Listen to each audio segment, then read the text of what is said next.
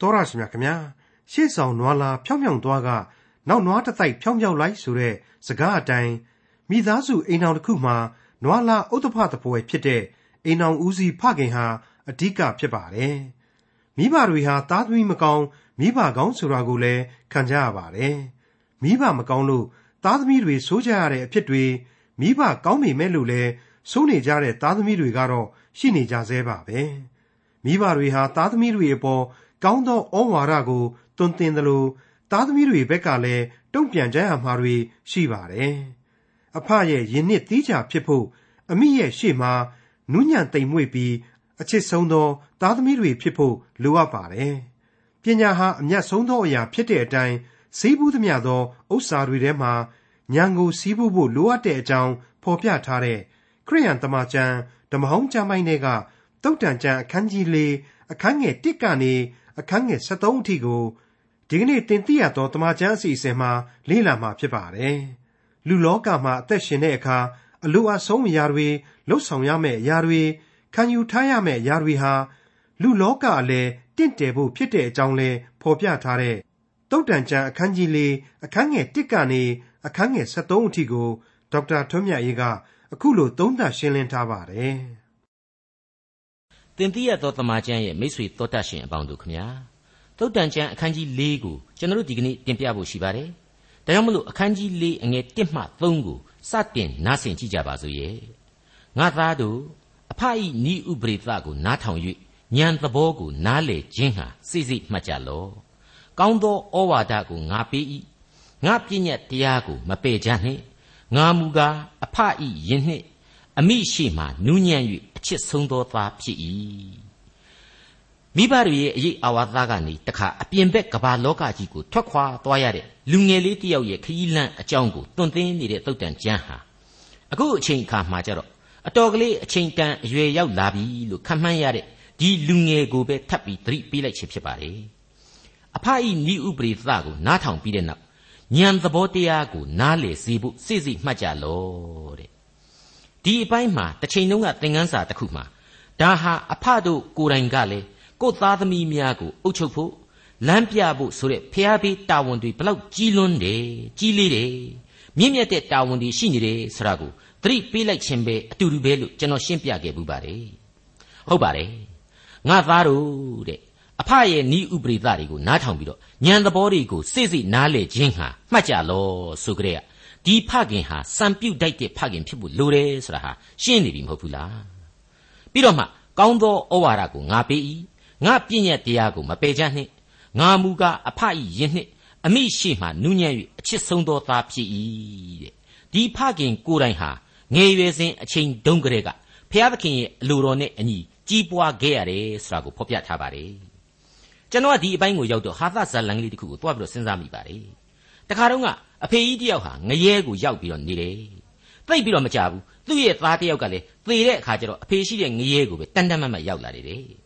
အဲ့ဒါနဲ့အဖေကြီးရဲ့သားကိုဟေ့ကောင်မင်းဒီငရဲကိုဘယ်နဲ့ဘယ်နဲ့ရောက်လာတာလဲကွာဆိုပြီးမိတော့အဖေကြီး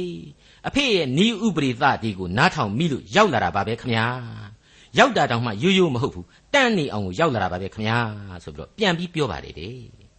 အဲ့ဒီတော့အခုအပိုင်းမှာဆိုရင်သုတ်တန်ကျမ်းရဲ့အခြေခံဟာ ထာဝရဘုရားသခင်ကိုကြောက်ရွံ့ခြင်းဆိုတဲ့ပညာသတိတရားတို့ရဲ့အချုပ်အခြာနဲ့သာဖြစ်တယ်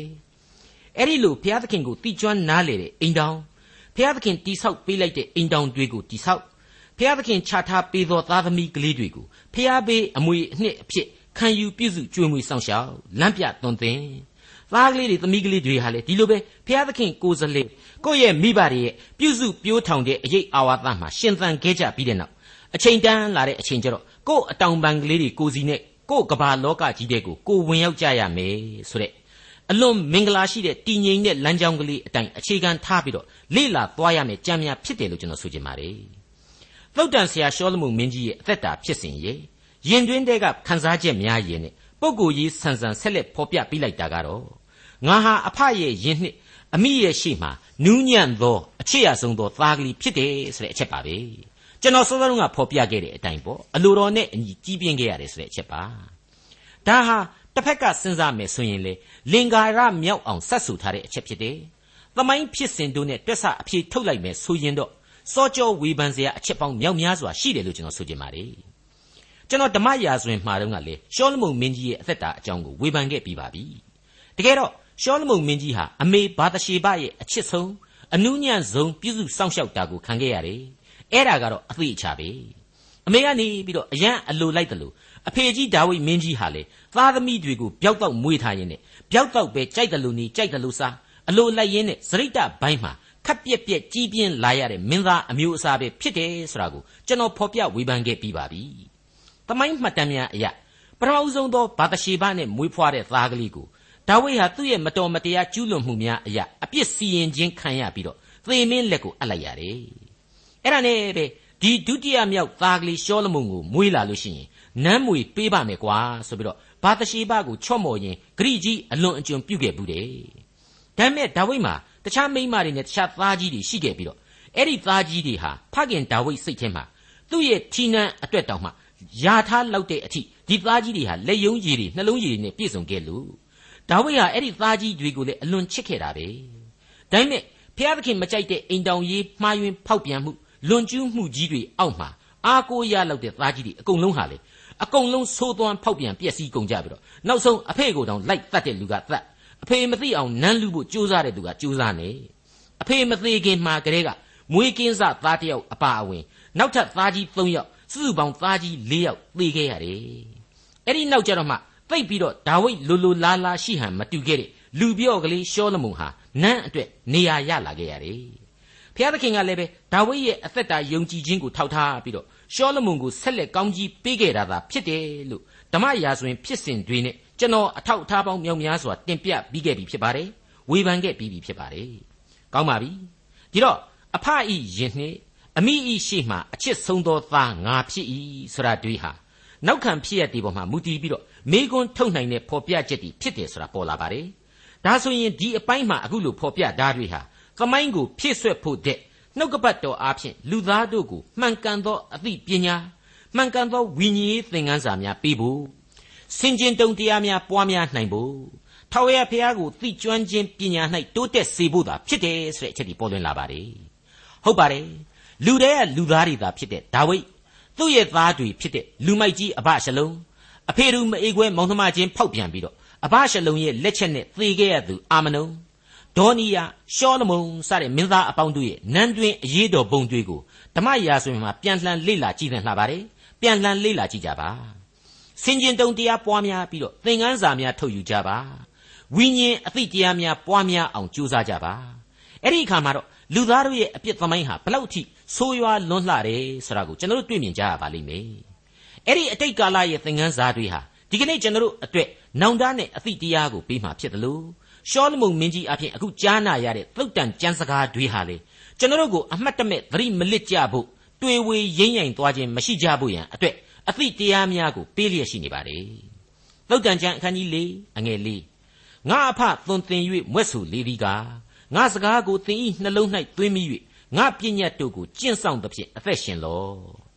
အထက်ကဖော်ပြခဲ့တဲ့သမိုင်းစဉ်တွေနှောင်းပိုင်းမှာဒါဝိမင်းကြီးသေကန်ကြီးအချိန်ကရှောလမုန်အတွက်မှားကြားခဲ့တဲ့အချက်တွေကို ပြန်ပြီးတော့ကြည့်ခြင်းရင်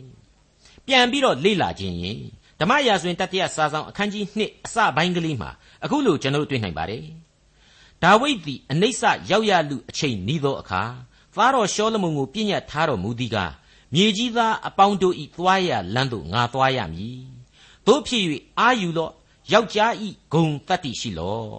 ထာဝရဘုရားသည်ငါအားဗျာဒိတ်ပေးတော်မူသည်ကားသင်ဤသားမြေးတို့သည်စိတ်နှလုံးအကျွင့်မဲ့ ငါရှိမှတမာတရား၌ကျင်လေခြင်းဟာမိမိတို့သွားရလမ်းကိုသတိပြုလျင်ဣသရေလနိုင်ငံရာဇပလင်ပေါ်မှထိုင်ရသောသင်ဤအမျိုးမင်းယိုမပြတ်ရဟုမိန့်တော်မူသောစကားတော်တည်၍သင်သည်ပြုလေရာရာသွားလေရာရာ၌အောင်မြင်မည်အကြောင်းသင်ဤဘုရားသခင်ထာဝရဘုရား၏လမ်းတော်သို့လိုက်၍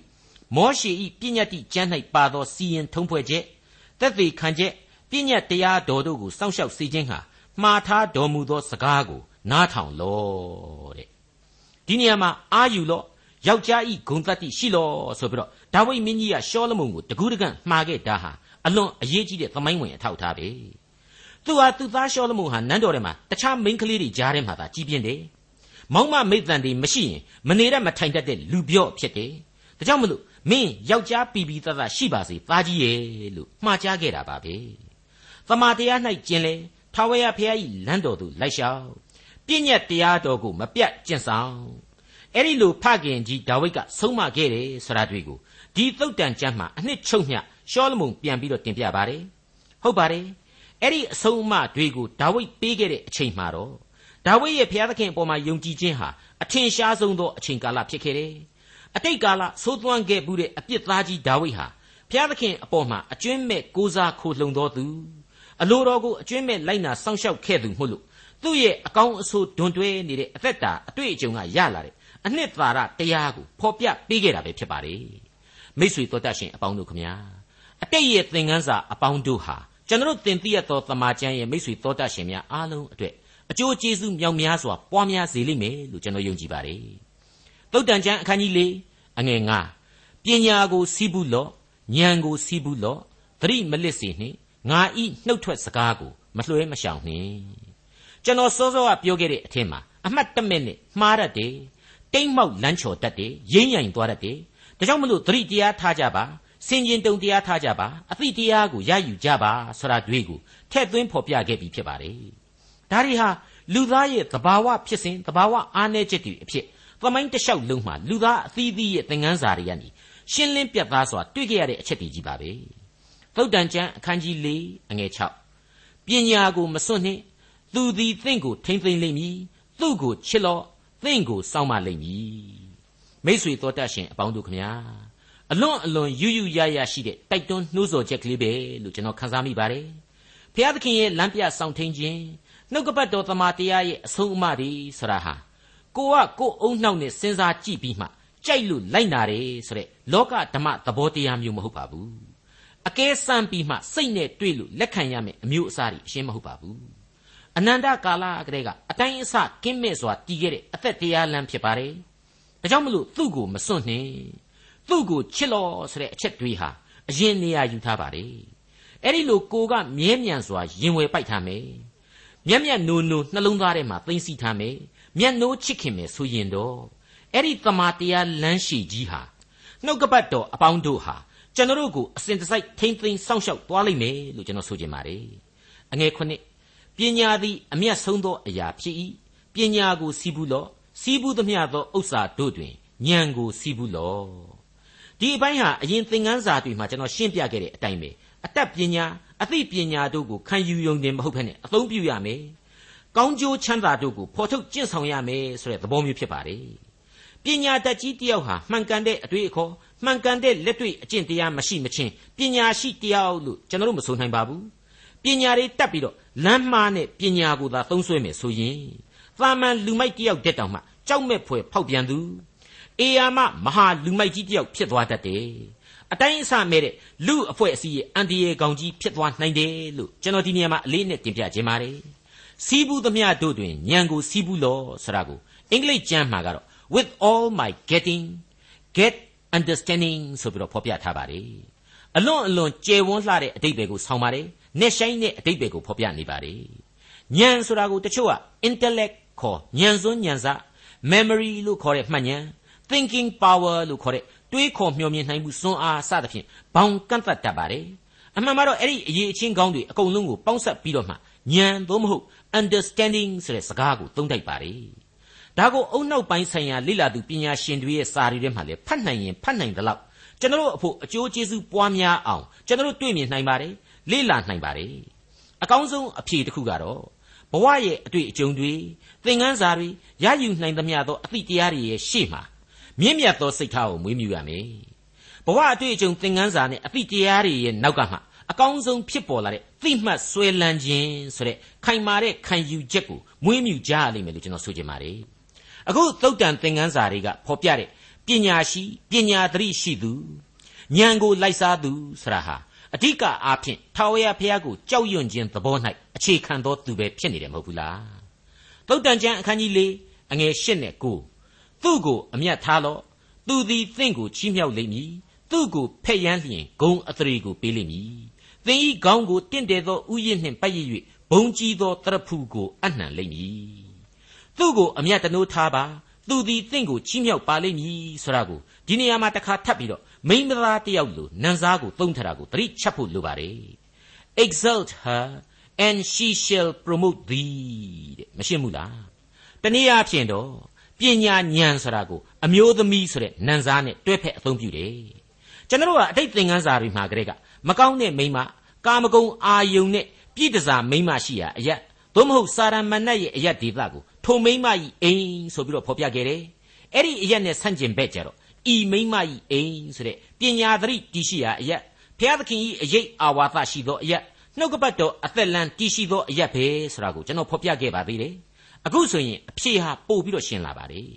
အထူးထည့်သွင်းဖော်ပြခြင်းနာကတော့နှုတ်ကပတ်တော်အရာဆိုရင်ဒီကနေ့လူအဖွဲ့အစည်းမှာဖိုနဲ့မှ လိန်စိတ်တွေခွဲကြပြီးတော့ဘယ်ဘက်ကိုမှတတ်တတ်မှတ်မှတ်ကြီးနှုတ်ကပတ်တော်ဟာနှိမ်တယ်လို့ဘယ်ဘက်ကိုမှနှုတ်ကပတ်တော်ဟာမျက်နှာသာပေးတယ်လို့ဆိုတာမရှိဘူးဆိုတဲ့အချက်ရှင်းရှင်းကြီးပေါ်လွင်လာပါတယ်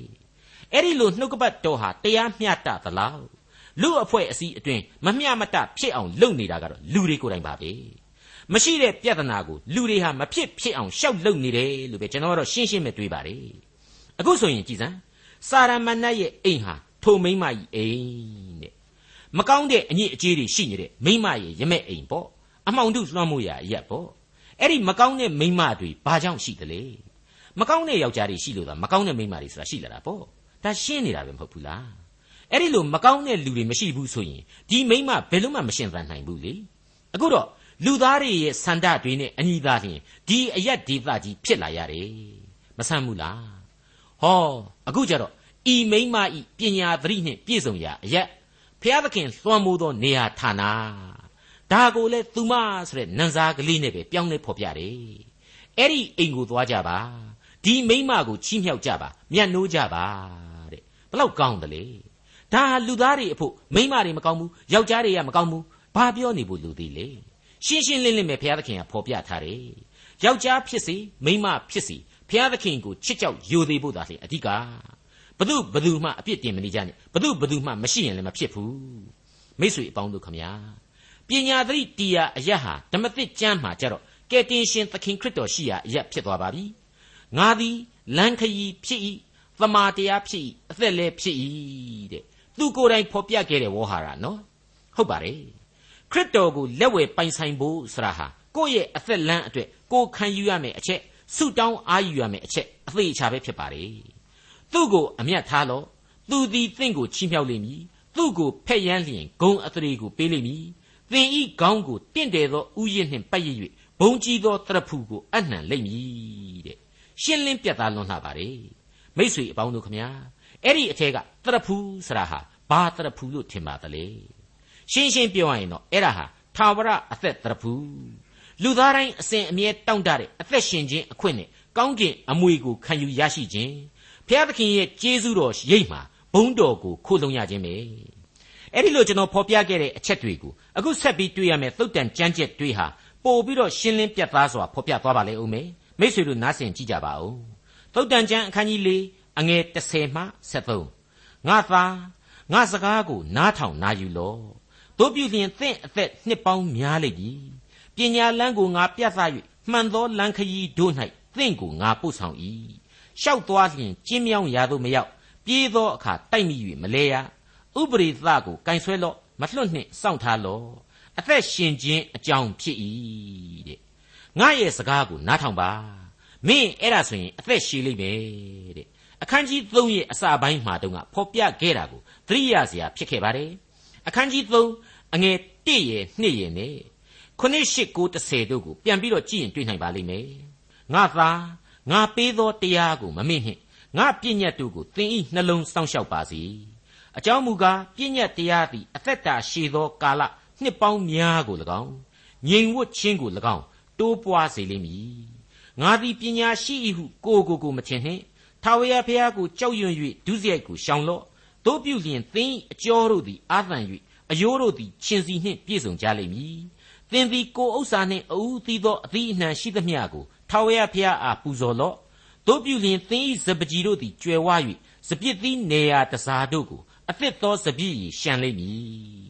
ကျွန်တော်အဲ့ဒီအပိုင်းတုန်းကအကျယ်တဝင့်ရှင်းလင်းခဲ့ပြီးပါပြီမိษွေတို့လည်းမှတ်မိကြမှာပါအမှန်တကယ်ဂရိတော်သည်တည်မြဲ၍နေသည်ဒီဂရိတော်များကိုခံယူရမှာတော့လူသားရဲ့နှလုံးသားဟာဝိညာဉ်ရေးအသိအမြင်နဲ့ခံယူရလိမ့်မယ်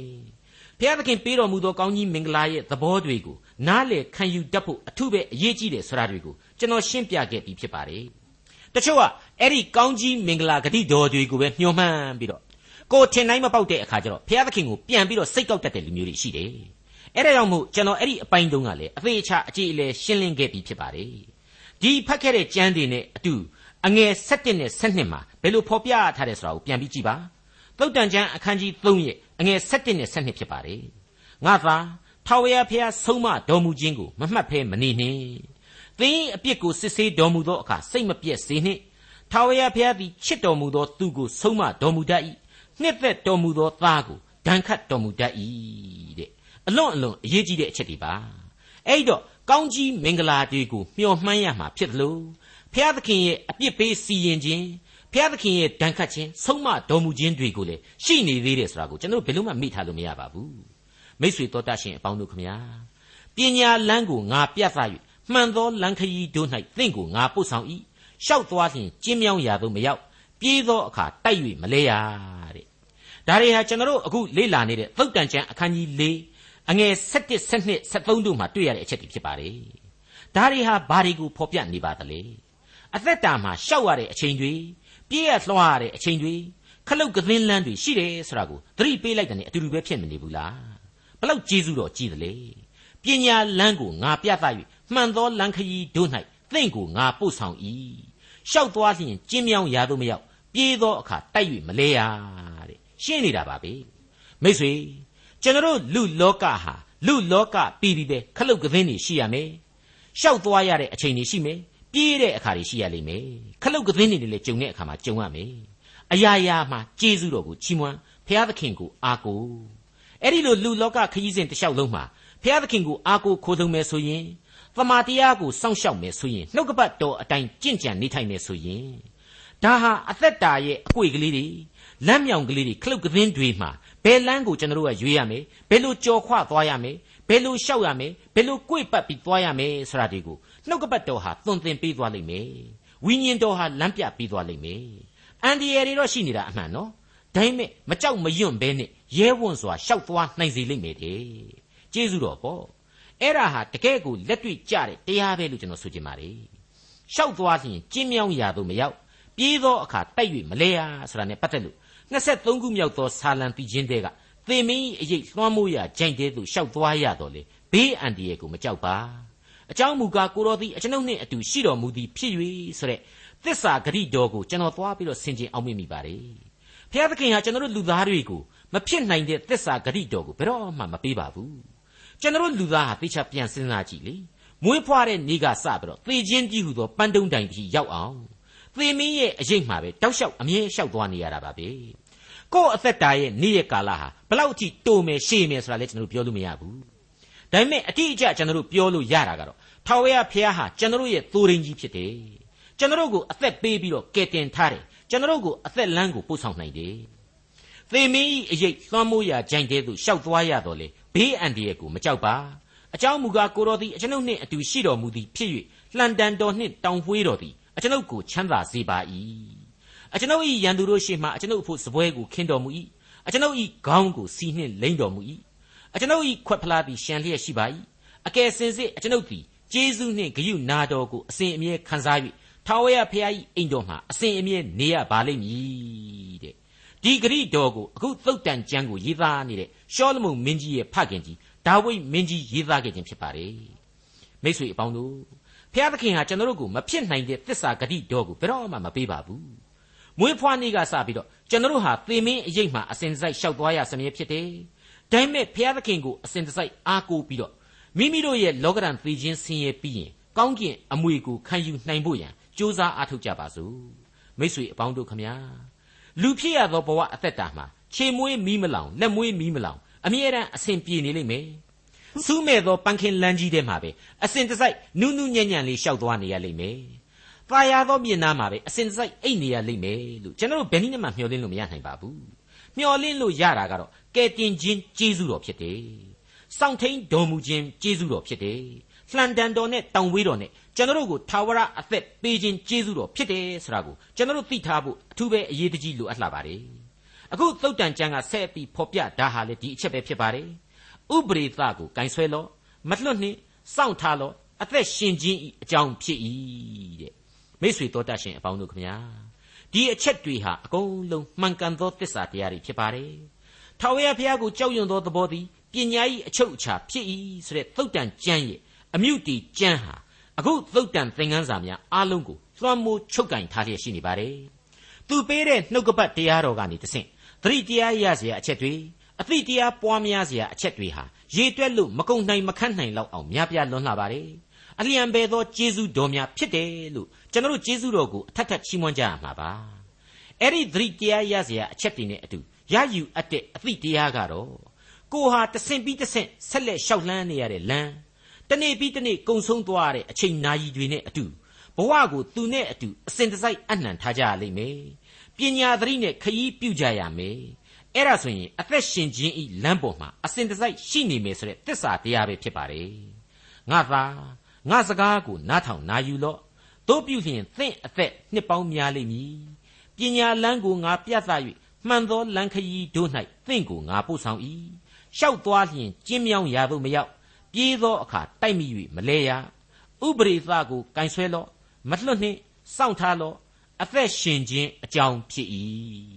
သင်သိရသောတမန်ကျမ်းရဲ့မိတ်ဆွေတော်တတ်ရှင်အပေါင်းတို့ခမညာကျွန်တော်အတွက်ရှောလမုန်မင်းကြီးရေးသားပြုစုတဲ့သုတ်တန်ကျမ်းသင်ခန်းစာတွေဟာတန်ရှင်းသောဝိညာဉ်တော်ရဲ့လမ်းပြပို့ဆောင်ခြင်းအပြင်ဖျားသခင်ကိုတိကျွမ်းနားလည်ခြင်းပညာဖျားသခင်ပေးတော်မူသောကယ်တင်ခြင်းကျေးဇူးကိုခံယူရရှိနိုင်တဲ့အသည့်တရား ဖျားသခင်ရဲ့ရှေ့တော်မှောက်မှာတင့်တယ်ခြင်းတရဖူကိုစောင့်နိုင်တဲ့အခွင့်ကိုရယူနိုင်ကြလိမ့်မယ်လို့ကျွန်တော်လေးနဲ့စွာယုံကြည်ပါတယ်ဖျားသခင်သင်ကြားပေးလိုက်သောသုတ်တန်သင်ခန်းစာများအပြင်မိษွေတို့တူးချင်းရဲ့အသက်တာနဲ့တကွမိษွေတို့မိသားစုမိษွေတို့ရဲ့ပတ်ဝန်းကျင်ကဘာမှာပါကဲတင်ချင်းကျေးဇူးတရားနှံ့ပြနိုင်ပါစေလို့ကျွန်တော်သင်သိရသောတမန်ကျန်အဖွဲ့ကအစဉ်တစိုက်ဆုတောင်းမေတ္တာပို့သလျက်ရှိနေပါတယ်ခင်ဗျာဒေါက်တာထွန်းမြတ်၏စီစဉ်တင်ဆက်တဲ့ တင်ပြရသောတမန်ကျန်အစီအစဉ်ဖြစ်ပါတယ်နောက်တစ်ချိန်အစီအစဉ်မှာခရိယန်တမန်ကျန်ဓမ္မဟောင်းကျမ်းပိုင်းတွေကတုတ်တန်ကျန်အခန်းကြီး၄အခန်းငယ်၁၄ကနေအခန်းငယ်29အထိကိုလေ့လာမှဖြစ်တဲ့အတွက်စောင့်မျှော်နားဆင်နိုင်ပါတယ်။